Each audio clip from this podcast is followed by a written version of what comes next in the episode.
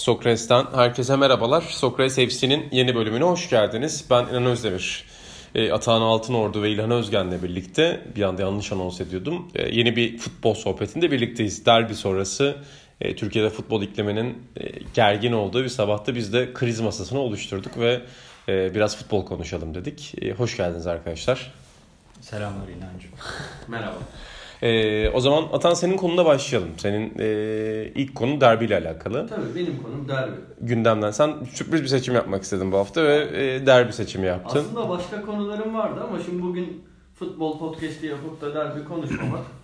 Laf olur. Ama müjdeyi verelim. O özlenen kişi hikayeleri bugün mevcut. bugün müthiş bir futbol hikayesi. Programın sonunda. Aynen. tamam hazırladım.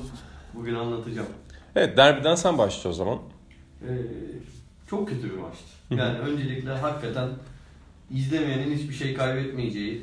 e, yani Caner'le konuşuyorduk. Bugün işte tam da bizim aslında podcast yapmamıza vesile olan şeylerden biri e, bugün bir podcast e, sempozyumu mu diyeyim, ne deneyim, ne, ne denir e, bilmiyorum. Öyle bir şeye konuk olduk Kadir Has Üniversitesi'nde.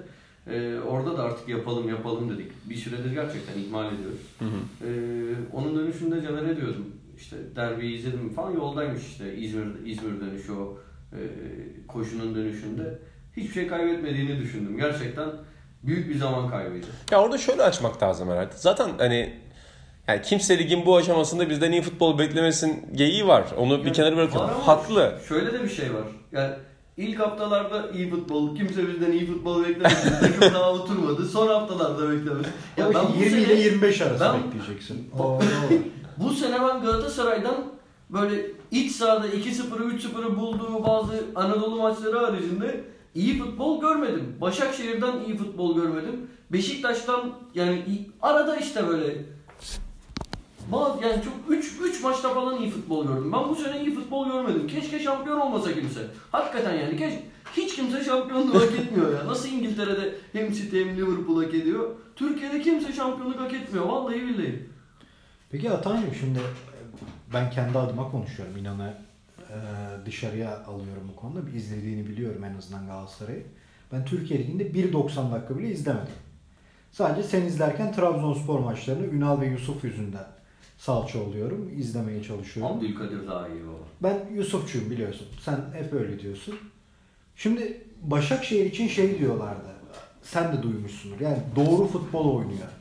Türkiye'de futbol oynamaya çalışan tek takım falan. Ama sen diyorsun ki onlar da iyi futbol oynamıyor. Baba Neydi Bence övülmesinin sebebi? oynamıyor. Sakin sakin işte 1-0 bilmem duran toplar. Yani Anladım. şey değil böyle ak- akan bir böyle keyif veren izleyene herhangi bir ya, taraftarına diyeceğim zaten taraftarı yok. İzleyen herhangi birine keyif vereceği bir şey çok nadir bence Başakşehir. Hani Emre Belezoğlu'nun paslarına, e, takımın oturmuşluğuna, hani herkesin birbirinin ne yaptığını bilişine, böyle bir e, oyun planı oluşuna şey yapabilirsin. E, takdir duygusuyla, tak- takdirle yaklaşabilirsin ama ya işte futbol gözümün pası silindi. Hadi bu hafta sonu da Başakşehir maçı kaçmaz diyeceğim hiçbir şey görmedim. ben. Orada yani senin söylediğin şey önemli bence. Hani ek olarak ben de Başakşehir'i biraz izleme şansı buldum. Son haftalarda çok izliyorum. Başakşehir'in herhalde diğerlerine göre farkı biraz daha derli toplu oluşu. Yani diğer mesela diğer rakiplerinden daha iyi değil. Mesela Galatasaray'dan daha iyi oynamıyor son 6 hafta. Beşiktaş'tan da daha iyi oynamıyor ama Önder Özen de hep bunu söylüyor.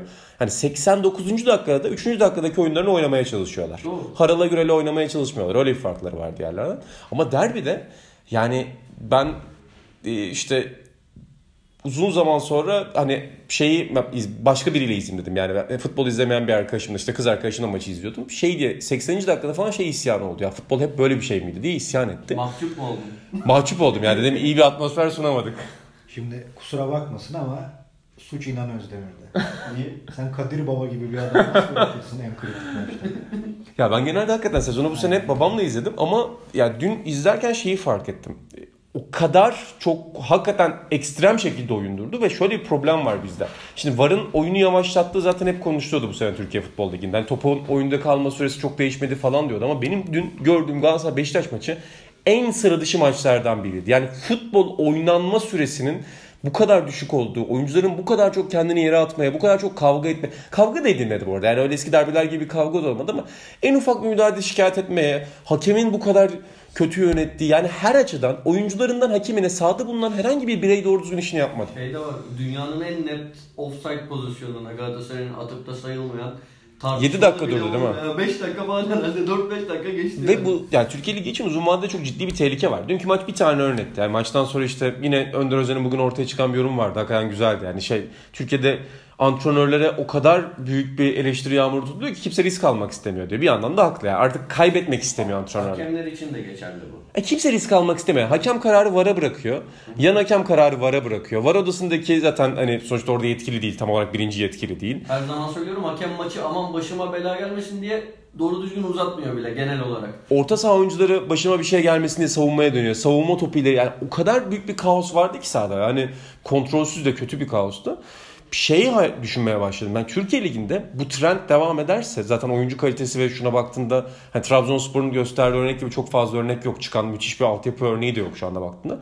3-4 sene sonra tamamen VAR'a yönelik bir oyun planı geliştirecek takımlar. Yani tamamen e, VAR'dan gelecek kararların hakim olduğu. Bu sene çok daha fazla maç gördük. Tamamen teknoloji üzerinden şekillenen, oyunun hiçbir şekilde akmadığı, hiçbir şekilde akmaya da çalışmadığı bir oyun planına doğru gidiyoruz. Kabusa doğru gidiyoruz yani. Ya bir yandan haklısın sana şimdi muhalefet edemiyorum ama bir yandan da Türk futbolu öngörülerin de tuttuğu bir şey değil ya. Bir Evet. şekilde bir sene bir sene sonra bambaşka bir şey konuşurken bulabiliyoruz kendimizi. Hiç beklenmeyen şeyler olabiliyor. Ya 3-4 sene sonrası için ben bugünden bir öngörüde hani aa evet böyle olur diyeceğim bir e, herhangi bir konu yok Türk futboluna dair ama bu muhalefet edecek bir şey bulamadım. Çok muhtemel görünüyor söylediğin. Gerçekten dramatik yani. İlhan Özgen'e de tavsiye ederiz maçın tekrarını bulursa. Ben de etmiyorum tabii. Hakikaten. Full HD izle. Ger- Gerçekten gerçekten çok çok çok kötü. Ve bu arada bu sene iyi bir derbi izledik mi ligde? İzledik. Beşik Fenerbahçe'nin 3-0'dan 3-3'e döndüğü Aa, çok iyi derbi. Beşiktaş derbisini izledik. Yani onda da hani ilk yarı 3-0 ilk yarı bir herhangi biri öyküyle onu izlesem şimdi pek futbola aşina olmayan biriyle izlesem veya futbol herke kim olursa olsun veya işte git Pele'yle izle. Der ki işte siyah beyazlı takım ikinci yarıyı 9-0 falan kazanır. O da 3-3 bitti. Yani. Pele futbola aşina olmayan taraf mı oldu? Hayır. Ha aşina Aşina- olan. Öyküyle Pele'yi iki tutum olarak düşündüm. Buradan bizi dinliyorsa Öykünün öngörüleri daha çok çıkıyor olabilir belki. Dünya futbolunun tartışmasız devi Pele'ye de buradan selamlarımızı iletiyoruz. Kendisi bizi dinliyorsa. Başka ekleyeceğim bir şey var mı derbide? Derbinin ekleyeceğim bir şey bir de şundan rahatsızım. Şimdi ben biliyorsun video hakemin olması gerektiği kanaatindeyim. Evet sen dergide Kutay Ersöz'de bunu da uzun uzun Evet. tartışmıştın. Ee, bu yani bir gün podcast de yapmıştık. Şimdi kendimi tekrar tekrar şey yapmak anlatım bozukluğu da olacak. Hı. Kendimi tekrarlamak istemiyorum. Ama hakeme dair de bir şey söylemek istiyorum. Şeyden çok sıkıldım inan. Ee, Söyle. her maçta ne olursa olsun hakem konuşulmasından inanılmaz sıkıldım. Şey demiyorum burada. Ve bunu hata mı? Hayır.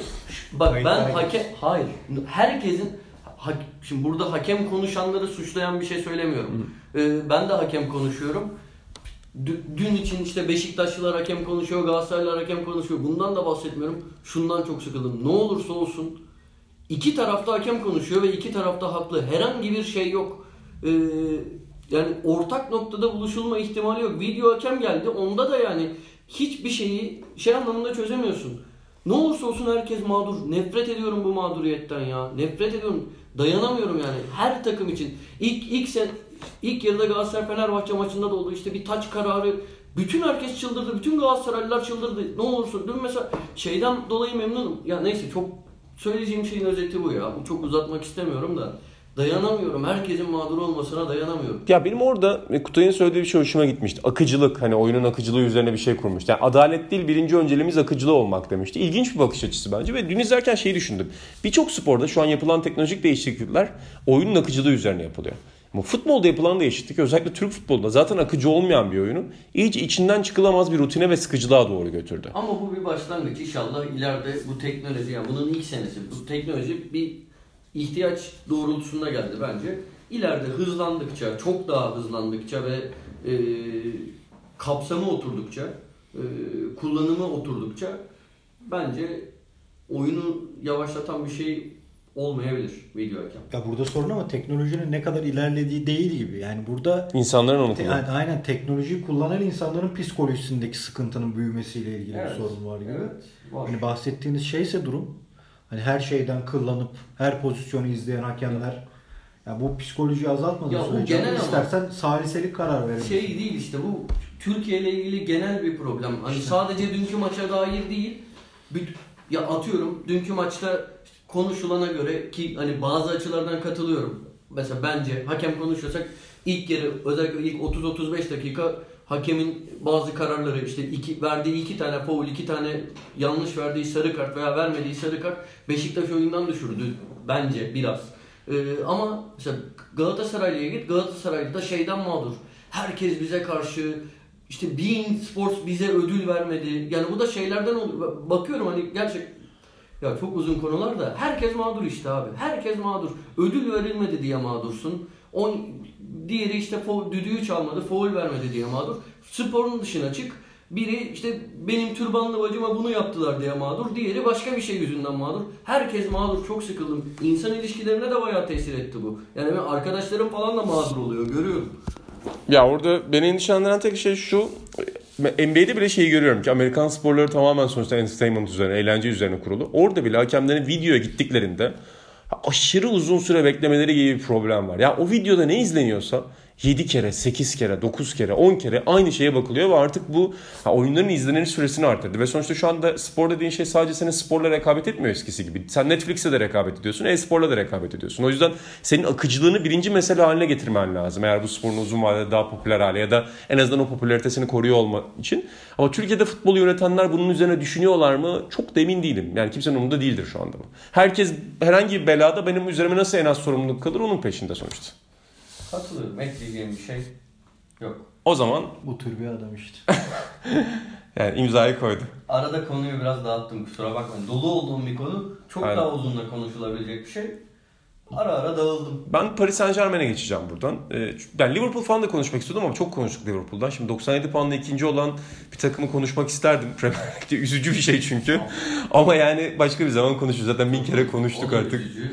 İşte 11 milimetreyle kaçacak şampiyonluk şey de üzücü şimdi. Tamam Barcelona eşleşmesi zaten çok zordu bu saatten sonra ama sakatlar makatlar yani hiçbir ihtimal kalmadı. O da üzücü. Ben hala umutluyum orada. İmkansız. Baba geçen sene Barcelona Roma'yı 4-1 yendi ilk maçta. O maç hiç 4-1'lik bir maç değildi. Tamam? Hiç. Yani De Rossi'nin müdahalesi bir sakarlık oldu, gol oldu falan filan bir şeyler çıktı çıktı çıktı 4 oldu. İnsanlar o gün Liverpool City olduğu için tabii ki Türkiye'de başka maç izlenmesi günah da oluyor. Herkes Twitter'da şov yapmak için o maçı izledi filan. Kimse Roma şeyi izlemedi Barcelona'yı. O maç bitti. Ben Roma'nın turu geçeceğini inanıyordum. Ki Roma bugünkü Barcelona'nın üçte biri filan şey Liverpool'un üçte biri filan bir takım. En azından Liverpool'un antrenörü bayağı fark yaratan bir adam. Geldiler olimpiyat mahvettiler şeyi Barcelona'yı mahvettiler. Ve turu geçtiler. Yani şimdi ben Liverpool'a bakınca o maçın 3-0'la ilgili mantıklı bir açıklaması yok. Herif çıktı ikinci yarı maçı sürkülese etti ve aldı götürdü. Barcelona hakikaten bence vasat bir takım. hem Salah hem Firmino. Öyle Biliyorsun. ama Sen nerede ben, büyümüştün? ben Tottenham'ın Batman'da mı? O maç tehlikeye girsin Barcelona adına. Buradan bizim ofisten Batman'a koşarak canlı podcast yaparız. Bu arada bence de tur bitmedi. Hadi Bence bitti abi alaka. Ben öyle bir şey demedim diyecek neyse ki kayıt var artık. Balıkesir dedim. Batman'da 3 sene sonra Balıkesir dedim. Oraya koş en azından. Batman çok uzun. Tamam Balıkesir'e koşacağım. Ben hala bir şey olabileceğini düşünüyorum. Bence de olabilir. Yani bence ben de ben bu arada direkten dönen top gol olsa 3-1 bitse maç Liverpool'un. Liverpool'un gerçekten dönüşte iyi bir şeyler yapabileceğini umuyordum ama güzel bir eşleşme olacak. Klopp bugün güzel bir şey söylemiş. Yani geçer miyiz bilmiyorum. Çok zor tabii ki şu anda geçmek ama kaybedersek de bunu en iyi şekilde kaybedeceğiz demiş. Güzel bir mantık. Yani en iyi şekilde kaybedecekleri açık orada. Çünkü zaten ilk maçta bile çok açık bir kadroyla çıktı. Oynamak için çıktı. Liverpool'da iyice oynamak için çıkacak. Ee, Liverpool konuşmadığımız iyi oldu. Evet, Liverpool konuşmadığımız iyi oldu. O zaman Paris Saint Germain'e geçeceğim ben. Geçen hafta bir haber çıktı. Görmüşsünüzdür. Katar yatırımının e, Paris Saint Germain'den kısmen çekilmeye başlayacağı ve uzun vadede bu yatırımı artık durduracağı ortaya çıktı. E, bunun da temel sebebi olarak Şampiyonlar Ligi başarısızlıkları öne sürülüyor. Bu sene zaten domestik olarak da başarısız oldular lig dışında.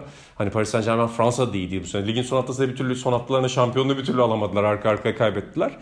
Ee, ve e, Fransa'da özellikle kötü PR yüzünden Katar yatırımına ve ülkeye yapılan kötü tanıtım yüzünden Paris Saint Germain yüzünden antipati yüzünden de çekilecekleri söyleniyor.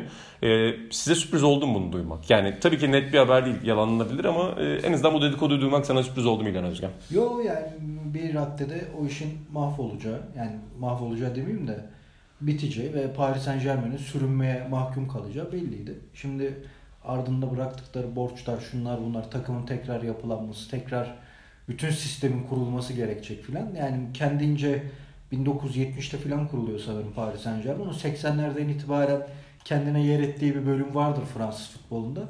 Onun daha da dibe vuracağını görebiliriz. Şaşırmam yani.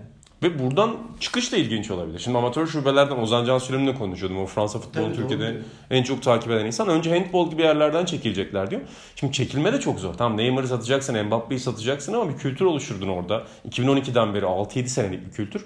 Senin de söylediğin gibi yani zaten ilginç bir tarihi olan bir takım. Nasıl bir yere geçecekler acaba? Yani hani belki bir Lyon, Saint Etienne o dönemlerinin damga vuran Marsilya gibi bir takım değil ama bir, bir değeri de var. Yani 90'lı yıllarda özellikle o Veyahların, Cinola'ların, Ray'lerin takımıyla e, Kupa 2'de Şampiyon Kulüp Kulüpler Kupası'nda işler yapmış bir takım. Sonra işte Ronaldinho gibi oyuncuları Avrupa'ya tanıtan takım olarak gördük. Biraz daha kabuk değiştirdi.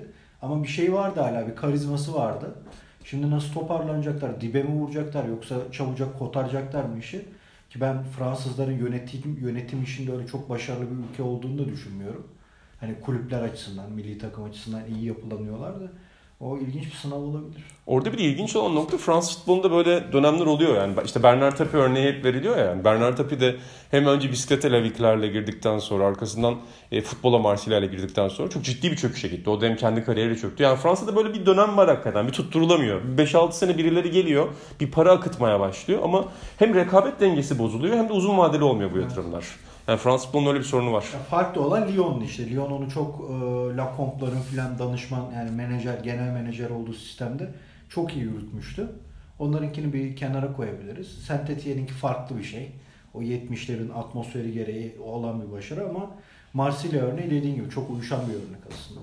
Ve diğer taraftan yani Paris Saint Germain'in burada en büyük yanlışlarından biri de herhalde yapılanma oldu. Yani mesela şu anki kadroya baktığında bile Cavani'si, Neymar'ı, Mbappe'si inanılmaz para harcanan bir takım oldu. Ama şey tarafında hakikaten çok büyük bir antipati yarattılar. Yani şu an Fransa'da da bir antipati var Paris Saint Germain üzerine. Avrupa genelinde de var. Yani Neymar'ı insanlar şu anda izlediğinde mesela Mbappe'ye karşı öyle bir antipati yok baktığında ama hem Paris Saint Germain maçlarında hem Neymar'ı izlediğinde insanlar garip bir şekilde, garip de değil belki, onların karşılarında konumlanmak Peki istiyorlar. sence aynı bakış açısı City'ye niye yok? Guardiola etkisi mi? Yani futbola ekstra bir şeyler katıyor oluşu mu? Yoksa Evet. Premier Lig Bence bir gibi de daha... İngilizlerin elinde olması lazım. İşte ha onu onu onu soracaktım. Aynen. İngilizlerin elinde olması. İngilizler onu satmayı iyi biliyorlar. İnan. Yoksa dediğin gibi aynı para aynı para. Tabii tabii ve hani mesela Manchester City'nin sahiplerine dair de bin tane haber çıkıyor. Mesela onlara dair de Katarlılardan daha da kötü haberler çıkıyor hatta. Senin söylediğin, ya İlhan Özgen'in söylediği şey çok önemli. Sonuçta İngilizler her zaman markasını çok daha iyi satarlar. Guardiola efekti var. Sonuçta Guardiola takımları deyince insanlar bir Guardiola takımı izliyorlar. De hani Katarlılar o para, sermaye neyi temsil ediyorsa e, veya işte bahsettiğin insanlara o olumsuz bakanlara ne ifade ediyorsa Guardiola tam ters bir noktada konumlandırılmış durumda. Yani kendini konumlandırmış durumda. Bir de yani doğru hamleler yapıyorlar şu anlamda. Evet parayı harcıyorlar. Yani İngilizlerin de dediği gibi yani Guardiola öyle düşük ücretlere oynatmıyor tabii ki. Dünyanın en büyük antrenörü şu anda ve en yüksek ücretleri onun takımları ödüyor genelde ama mantıklı yaptığı bir şey birbirine uyan parçalardan kuruyor takımı. Yani bizim FIFA'da yaptığımız gibi ya da işte şampiyon menajerde bir takımın başına futbol menajerde geçen bir şey gibi böyle sürekli forvet almaya çalışmıyor en azından. Öyle bir mantığı var. O yüzden Paris Saint Germain kötü reklam yaptı. Diğer taraftan Katarlılar da herhalde şunu düşünüyorlar. Benim tahminim o yönde. Paris Saint Germain yatırımı onların Dünya Kupası yatırımıyla bağlantılı bir yatırımda. Yani Nicolas Sarkozy ve Michel Platini onların Dünya Kupası'nı almasına sağladığında muhtemelen gizliden gizliye de böyle bir yatırımın temelleri atıldı ve şimdi Dünya Kupası'na yaklaşıyoruz. Dünya Kupası sonrasında da futboldaki bu ciddi yatırımlarını azaltacaklardır bana göre. Bein Sports üzerinden de Paris Saint Germain üzerinden de. Yani onlar 2020'ye bir e, tepe nokta olarak bakıyorlar. 2022'ye bir tepe nokta olarak bakıyorlar muhtemelen. Kademeli olarak bence oraya doğru azaltacaklar futbol yatırımlarını. Dünya Kupası'na tamamen yatırımı tepeye koyup ondan sonra bırakacaklar bence futbol işine. Bilmiyorum. Başka bir şey soracağım. Şey normal geliyor mu sana? Yani tamam huzursuzluk olabilir. Ee, işte kötüye gidiş olabilir. Sponsor desteği çekilecek, oyuncular satılacak olabilir ama yine de yani Mbappe'li, Neymar'lı, Cavani'li falan böyle onların biri olmadığı zaman Di Maria'nın falan oynadı. Hani inanılmaz bir kadro. Böyle 6 maçta bir galibiyet mi, 7 maçta bir galibiyet mi oldu? Ya gidiyorlar 5 yiyorlar, Evet. 3 yiyor. Yani normal mi? Ve yani antrenör kaliteleri de baktığında çok yüksek yani. Normal değil. Kesinlikle normal değil. Yani bana çok garip görünüyor da tabii İşte ben yani bisiklet yarışı izlemeye gitmiştim Nisan'ın başında. Benim amcamlar Lille taraftarı. Onlar hani Lille'in Şampiyonlar Ligi'ne gitmesini bekliyorlar. Her hafta şeyi bekliyorlar. Paris Saint Germain bu hafta şampiyon olacak. Paris Saint Germain bu hafta şampiyon olacak. Paris Saint ama Germain 6 haftadır şampiyon olamıyordu. Şey 6 hafta kala şampiyon olamadı diye taraftar protesto falan ediyordu yani. Şımarıklık. Acayip bir şey yani. Çok garip. Buradan son konumuza geçelim. Yani İlhan Özgen bugün konusu yoktu. Sen İlhan Özgen üzerinden bir konu açacaksın. Evet. Sen yani evden konunu getirdin. Konumu Atahan'a devrettim. Aynen. benim Çünkü konu- bana bir hikaye anlatmayı vaat etti. Hikaye anlatacağım sözü verdi. Ben de bütün konular senin olsun dedim. Tamam. Ben Hikayenin başlığını vereyim mi? Ara ara ben az sonra demek istiyorum. Vatman Hasan. Müthiş bir hikaye. Ben bilmiyorum bu arada Bilmiyor hikaye. musun? Yok hayır. Ben İlhan'a anlattım. Müthiş İlhan hikaye. Bu hikaye olur Bekleyin. mu? Sevdi. Aynen. Fenerbahçe tarihinden acıklı bir hikaye. Hı hı. Ama şimdi İlhan üzerinden konu açmak istiyorum. Ee, internetteki en büyük hobi e, böyle birkaç aydır Senior ne diyor programına gelen yorumları okumak. Bir de çocuklar duymasını izliyorsun baştan sona. Yani yapıyorum. Onu söylememi birçok birçok şey yapıyorum. Birçok yani çocuklar duymasın derken es saçma dizi izlemek için izliyorum onları. Açıkta Ha. çocuklar duymasının yeni bölümlerini izlemiyorum. Hala Ama şimdi çocuklar duymasına saçmalarsan şey oluruz yani burada tadımız kaçar. TGR, TGRT'deki bölümleri izliyorum. Bir ayda falan o 13 bölüm bitirdim. Şimdi ATV'ye transfer oldum. Ben de evdeki yabancı falan yani yapıyoruz bunları. Kaan kardeşimle de ofisten sohbetini yapıyoruz özelden veya neyse. Daha Konunu daha- böldüm. Aynen. Senior ne diyor diyordun. Senior ne diyorum yorumlarını okumak. Orada İlhan'a yapılan eee, işte senin yaşın kaç? Çıktı işte 1992'deki İlhan 86'lı eee, şimdi onu da belirteyim de eee, kaç yaşındasın? Bunları izledin mi? Yorumlarını okumak. Zaman zaman İlhan'ın eee, bunlara verdiği cevapları ya da ofiste bunlarla karşılaştığını görmek çok hoşuma gidiyor. Bu eleştirileri gündeme getirmek istedim İlhan'a yapılan. Ki senin programa da gördüğüm kadarıyla geliyor. 90'lar Partisi'ne de özellikle hani 90'lılar çıkıyor, konuşuyorlar diye başlangıçta gelen eleştirilerden biriydi. Çok değil. Ya Aynen. ben, ben- benim benim e, bizim programa bile İlhan'a yazmışlar. 92'li gelmedi bugün. O galiba İlhan'ın belalısı. Yani İşte benim, işte. benim çok hoşuma gidiyor o yorumları okumak ama e, önce bir İlhan'a söz hakkı tanımak istiyorum Tabii. bu konuda. Estağfurullah. Çünkü İlhan çok üzülüyor. Çok üzülüyor. Üzülüyorum, niye üzülüyorum? Ağ, Küfür ediyorum. ağlıyor. İlhan ağlıyor. Toparlamakta çok zorlanıyoruz biz Bu ofiste. konuda tek söz hakkı bende değil. İnan Özdemir de basketbol tarafında böyle şeylerle karşılıklı e, karşılaşıyor diyelim. Ya ne diyeyim abi yani bu mantıksız bir şey. Bu maalesef hani bu 2-3 tane gerizekalının orada dikkat çekmek için yazdığı şey değil. Benim üzüldüğüm onlar da değil. Ben küfür ediyorum geçiyor da. Biliyorum ben Bunu yok yok yani basında da bunu abilerimizden bu işi yaparken dönem dönem görüyoruz. O işin daha iç acıtan kısmı aslında. Hani sen bunu yazamazsın çünkü onu izlemedin. Ben onu izledim. Sen kaç yaşındaydın? 11 yaşındaydım. Sonra bir daha izledim mi? İzlemedim. E tamam ya sen de Bir izlemişsin. de baba o zaman şimdi sen akş- akşama kadar işte maç indiriyorsun şey yapıyorsun hani o zaman evet 1972 yılında işte bir şampiyona televizyondan özeti veya kendisi yayınlandı ama yani sen atıyorum Cruyff'sa hayatında 2 maç 3 maç Aynen. oldu 5 maç izledin. Yani sen İlhan burada akşama kadar maç izliyor yani yanında işi olmadığı her an maç izliyor. Akşam mesaj atıyorum dur baba diyor şimdi 78'de Ç- Çekoslovakya bilmem ne maçını izliyorum diyor falan. Şu maçı buldum geliyor heyecanla anlatıyor. O adam neredeyse kariyerlerini izlemiş. Yani bir konuma geliyor. Neredeyse belki fazla. Ya şöyle bir adam olursun atıyorum Hollanda muhabiri olursun Hürriyet Milliyet Gazetesi'nin. Cruyff'un bütün kariyerini Amsterdam'daki o eski stadyumda takip etmişsindir.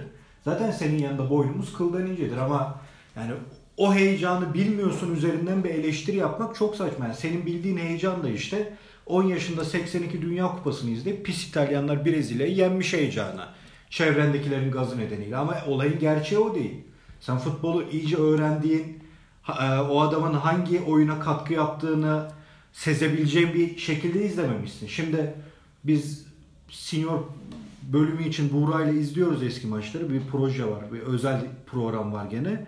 Mesela Buğra diyor ki baba diyor 82'de Brezilya bildiğin diyor bekleri orta sahaya sokuyormuş. Bugün sanki Guardiola onu yapıyor gibi anlatıyorlar. Adamlar 82'de yapmış bunu diyor.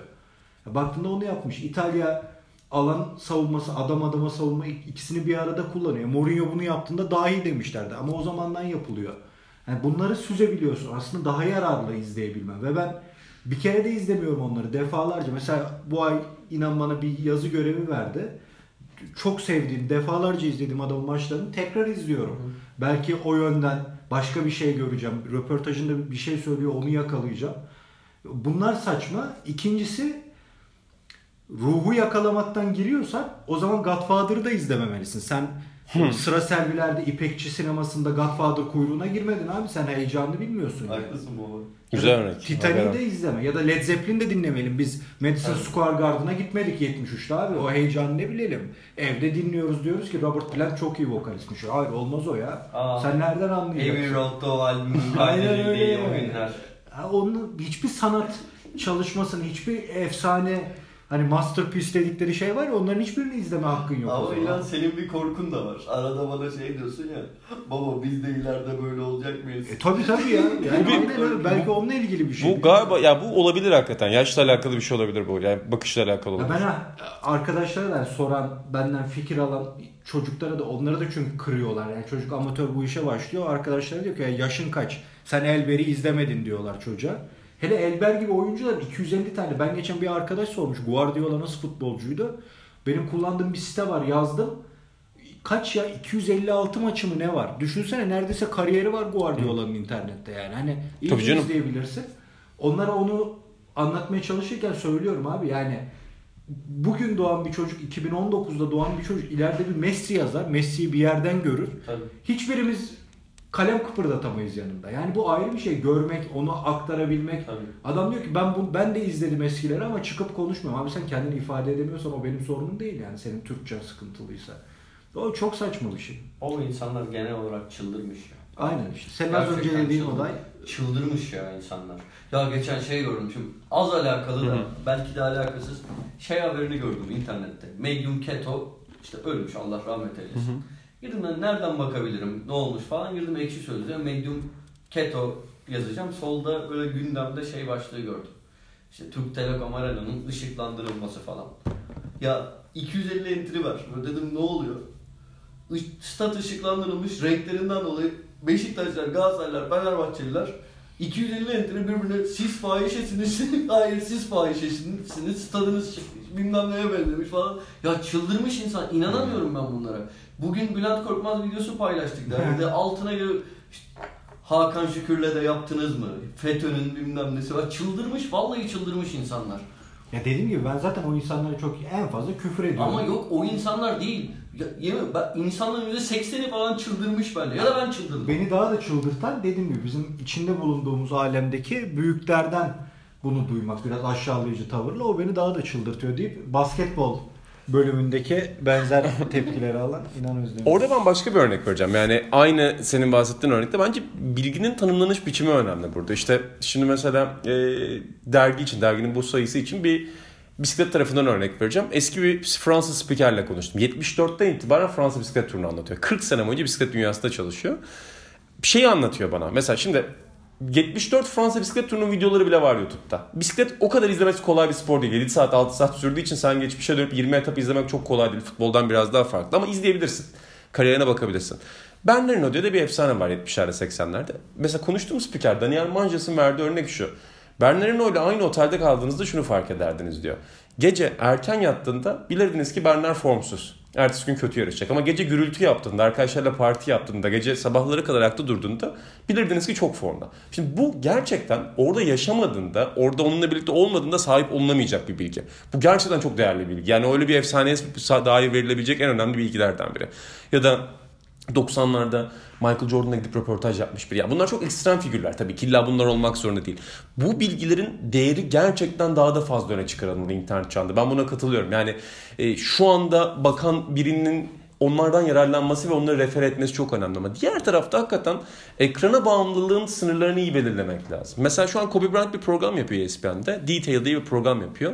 Orada günümüz oyuncularını inceliyor. Günümüz oyuncuların hareketlerini inceliyor. Mesela Kawhi Leonard'ın e, basketbol hareketlerini inceliyor ve bölümlerin sonunda da çok güzel bir şey yapıyor. Birer bir buçuk dakikalık bazı bölümlerin sonunda tarihsel bölüm koyuyor. Mesela diyor ki bence diyor şu oyuncu şu oyuncuyu izlemeli diyor. Çünkü özellikle bu NBA'de şey kültürü çok yaygın. Sen ilan anlatıyorsun ya video izleme, maç izleme. NBA oyuncuları çok fazla video ve maç izliyorlar. Yani aşırı derecede YouTube'dan da izliyorlar kariyerleri başladıktan sonra. Sen rakibinin çünkü asistan koçlar sana rakibin bütün videolarını getiriyor ve kasetlerini izliyorsun. Kobe Bryant da çocukluğundan itibaren babası ve dedesi bunlara kaset yolluyormuş. Jerry West'in kasetlerini izlemiş. Oscar Robertson'ın kasetlerini izlemiş. İşte diyor ki Kawhi mesela Andre Iguodala'ya Scottie Pippen'ın şöyle bir maçı vardır. Şöyle bir videosu vardır. Bunu izle diyor. Şimdi bunu bilmeyen ve bunu yaşamamış biri aslında onları, o maçları izleyip hakikaten bu oyunculara daha çok önemli bilgiler verebilir. Yani Kobe Bryant gibi biri bile ya da az önce bahsettiğim Daniel Manjas gibi biri bile bilginin sınırlarını böyle çiziyorsa ve hani sen de kendini bu konuda geliştirebilirsin diyorsa bence bizim de buna uygun hareket etmemiz gerekiyor. Yani bizim de tabii ki özel, öznel bilgiye sahip olanlara saygı duymakla birlikte bilginin sınırlarını iyi çizmemiz gerekiyor gibi geliyor bana. Katılıyorum. Bir de şey eklemek istiyorum. Tabii Bıra- tam bıraktığın yerden değil de konusu geçmişken söylemek istiyorum. Benim hayatımda gördüğüm hani herhangi bir alana en hakim insanlardan biri İlhan. Yani gerçekten ben şey diyordum işte yani ne ya aman falan filan bir baktım adam hani bir şey soruyorum hakikaten biliyor. Sen Her niye şeyi aman biliyor. diyordun? Ya ben işte hep söylüyorum ben zor ısındım İlhan'a başta şey ön yargılıydım. Kılığından, Yok ben de kılığından. kesinlikle katılıyorum buna. Yani ama yani bence o örnekte yani İlhan örneği üzerinden ya da İlhan gibi konusuna çalışan bir insan üzerinden şunu spor yazmak isteyen insanlar görebilirler. Yani internetin sınırları gerçekten çok geniş. Şu an öyle evet. Yani gerçekten çok geniş. Ya bir de şeyi söyleyeyim lan ya bu dergide hiçbir insan sadece bir şey izleyip e, o bahsettiğin hani te- temas edip de öğrenme işinden de uzak kalmıyor. Sen bisiklet tarihinden, basketbolculardan, Atahan'la biz futboldan, Atahan hem güncelden hem geçmişten konuşuyor. Ben geçmişten yani gene ilgi alanım Çünkü zaten böyle olmak zorunda. Birçok insandan alıyoruz aslında bu alabileceğimiz özel bilgileri. Onun için de uğraşıyoruz. Yani bir yandan e, aklımız yettiğince, elimizden geldiğince yeteneğimiz doğrultusunda araştırmacılığımızı da yapmaya çalışıyoruz. İşte ben 30 yaşımdan sonra ikinci dili öğrenmeye çalıştım. Sırf İtalyanca Hı hı. otobiyografiler okumak için filan. Hani bir azmimiz de var ortada abi. Burada oturup da atan dur aklıma geldi. Ben bir Cruyff yazayım diye patlatmıyorum kafadan bir hikaye. Yani bir şey için uğraşıyoruz, didiniyoruz. Ya bunları YouTube'a ben çıkıyorum baba. Ben aslında şeyde Samatya'da esnafım, telefoncum var. YouTube'a çıkıyorum, sallıyorum böyle. Ne topçu, hey gidi hey filan. Öyle bir şey değil ha. Bizim işimiz dergi çıkarmak ve bu dergi de ciddi bir yer. Yani öyle 2-3 arkadaşın toplanıp da yaptığı bir blog değil. Yani burada ciddi insanlar çalışıyor ve ciddi bir iş yapıyoruz. Bu bu kadar basit bir şey değil. Ama şey basit abi, indirilmesi, var. indirilmesine şey yapıyorum. Popüler olan o an popüler olan konu üzerinden böyle yalan yanlış içinde hani bir cümlesi doğru dokuz cümlesi e, dramatize etmek için yalanlarla bezenmiş hikayeler anlatan Var in- insanlar var. Geçenlerde çok komik bir örneği vardı. İlana yazdım şimdi şey yapmayacağım. Hikayeden de isimden de bahsetmeyeceğim de baba dedim bu hikaye doğru mu? Hani İlhan'ın çok hakim olduğu bir alandan bir hikaye gördüm. Acayip böyle direkt şey müziği o yedi karanfil Yunus müziği zihnimde çal- e, çalmaya başladı. E, İlhan bir anlattı. Yani hikayenin iki cümlesi falan doğru. Ya muhtemelen öyledir ve bir de Türkiye'de bence daha büyük bir problem. Yani internetle birlikte belki bu aşılabilir. Bazı konularda da çok fazla konuşulup çok az araştırma yapılmış. Evet. Çok az yazılmış. Mesela atıyorum bir örnek vereyim. Ajax mesela bunlardan biri. Ondan sonra Ajax futbolu bunlardan biri. Ondan sonra e, hani mesela Türkiye'de herkes Ajax'tan bahsediyor. Seninle geçen gün bunu konuşuyorduk. Yani bizim babalarımız, amcalarımız der Ajax okulları. Ama Türkiye'de Ajax üzerine verilmiş çok az yazı ve yapılmış çok az araştırma var mesela. Ki 30-35 senedir aslında Türk takımları Ajax'la Amsterdam'a şey, gittiler, geldiler. Kafileler gittiler, geldiler. Temas oldu. Türkiye'ye geldi. Cruyff gibi bir adam Türkiye'ye geldi, futbol oynadı. Buna rağmen mesela çok az yazılı şey var. Bu, bu tip şeyleri de aslında önüne geçebileceğin bir şey. Senin evet ikincil kaynaklardan, üçüncül kaynaklardan yapabilirsin araştırma. Bazen birincil kaynakla konuşup yapabilirsin ama yapman lazım bunu. Atıyorum bu arada insan insanlar gerçekten buna kendilerini inandırıyor olabilirler. Ya atıyorum kim olsun? Hadi yarın adını böyle sürekli duymadığımız bir takım düşün, düşünelim. Mesela işte Beşiktaş'ta oynayan Valerenga yıllar önce o Şifo Mehmet'in e, hikayesinin olduğu maç. Yarın öbür gün 20 sene sonra bir Norveç futbolu atılım yapsa, Valerenga Şampiyonlar Ligi'nde ya- yarı final oynasa, çeyrek final oynasa, bir şey olsa yükselse birçok insan diyecek ki siz Valerenga'yı bilmezsiniz. Asıl Valerenga işte biz izledik 90'larda falan. Ya ne izledin? İki maç izledik işte yani Valerenga değil mi? Ama insanlar buna inanacak kendileri. Bu herhalde insani bir zaaf.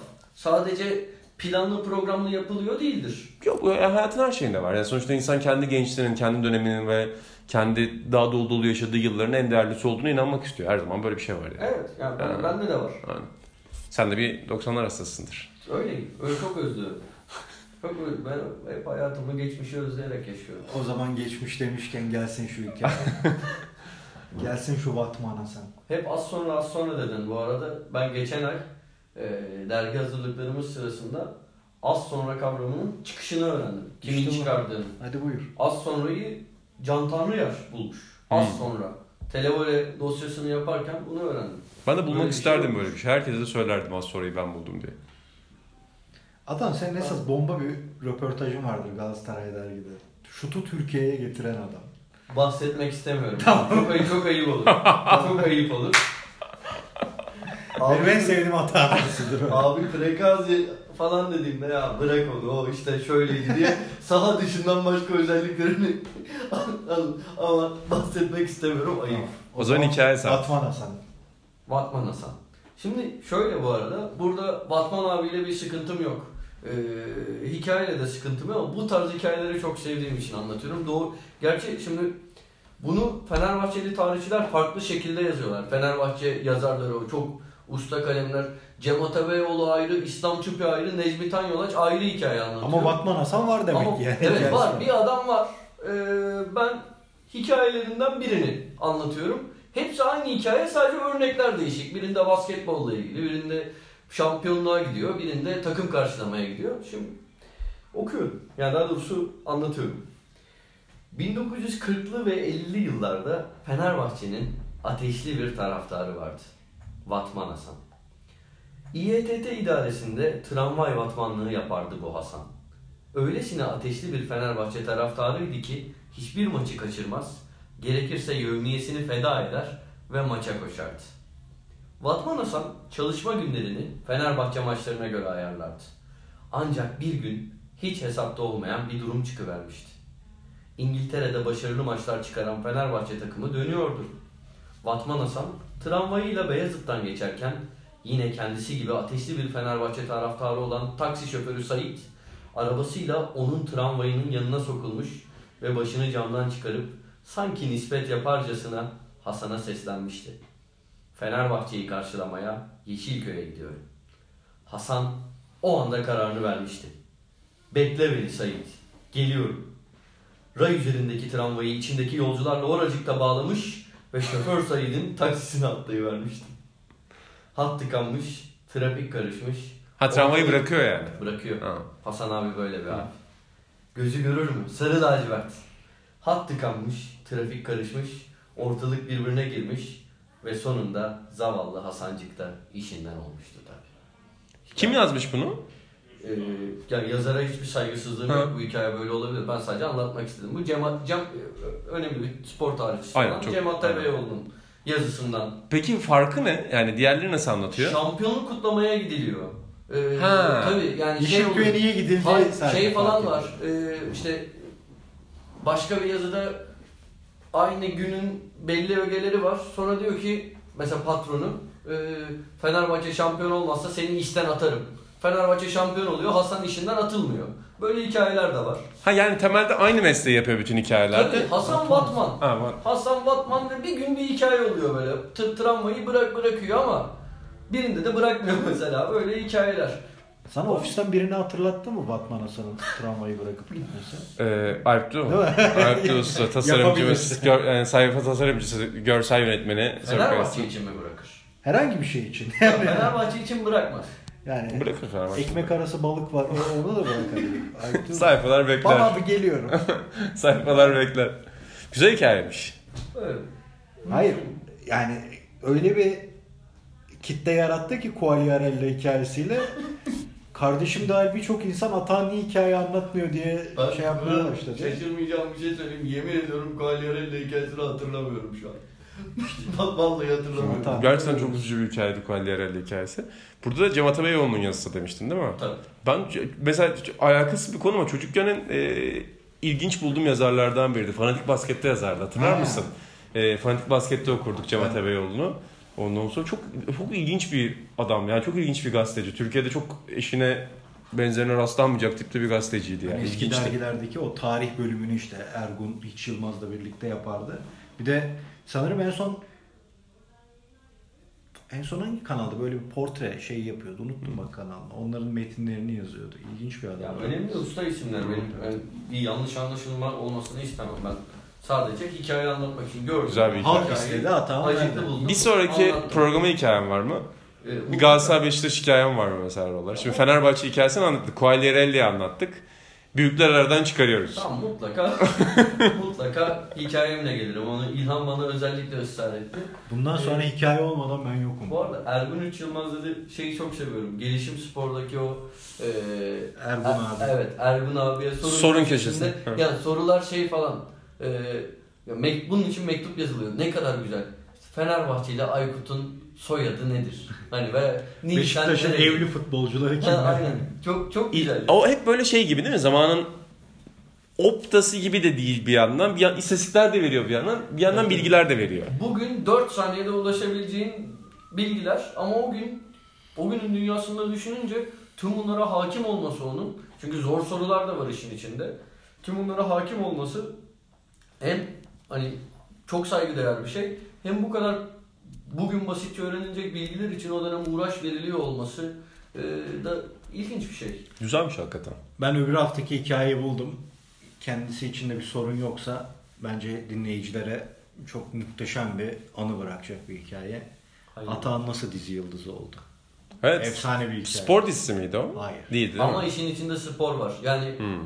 Tol buradan hatta seslenmek istiyorum bizi dinleyen insanlar için de benim Tolga Gariboğlu'na yani Hugo'daki Tolga abiye ulaşmamı sağlayacak biri olursa ben ulaşmak istiyorum. Ee, onun için büyük fedakarlıklar yapabilirim. Yapımcımız oydu. Ben orada 8 yaşındayken Galatasaray As Başkanı Ergun Gürsoy'la röportaj yaptım. İlk röportajım odur. Onun da hikayesini anlatırım. Güzelmiş. Onun kaydını bulmak için çok büyük fedakarlıklar yapabilirim. Hakikaten yani elinde kaydı olan varsa uygun meblağlar karşılığında atağına satabilir. Neyse şimdi başka detaylar verecektim de anlatacağım. Gelecek hafta. Gelecek hafta. Gelecek hafta. İyi gibi kur hikayeyi düzenle. Yok düzenli ya. Yok yok hep düzenli de o 4 saat onun düzensiz şey yani. Aynen. Kısalt yani. Bunu ayrı podcast yapacağız. O zaman gelecek haftanın bir konusu belli. Ben şu an heyecanla Sokrates FC'nin yeni bölümünü merakla bekliyorum. Bu hafta derbiyi konuştuk. Derbiden çok keyif almadığımızı konuştuk. Sonra Paris Saint Germain'den neden çok keyif almadığımızı konuştuk. Arkasından e, İlhan Özgen'e İnternete gittik. Yöneltilen eleştirilere gittik. Ve en sonunda Atağan'ın hikaye köşesinde güzel bir hikayeyle bitirdik. Çok teşekkür ediyorum her zaman gibi. o zaman haftaya kesin yapıyoruz. Kesin yapıyoruz. Tamam. Sen artık medya sempozyumlarındasın çünkü. Yani sen artık podcast sempozyumlarının bir üyesi olduğun için yani o konsorsiyum mu diyeyim, sempozyum mu kelimeyi de bulamıyorum. o yüzden bundan sonra artık düzenli olarak Sokrates FC burada olacak. Yani her hafta da bunu söylüyoruz ama bakalım. O zaman ben programı yavaştan kapatıyorum. 43 dakika olmuş şu an. Çok ideal. Çok ideal. Hemen bak yani veriyor ya. Podcast Çünkü po- podcast sempozyumunda onu da görmüş. Hani kaç dakikada bir İdeal podcast. 40-45 arasıdır çocuklar. O zaman herkese hoşçakalın diyoruz Hoşça efendim. kalın. Vatmana sana saygılar. Allah rahmet eylesin.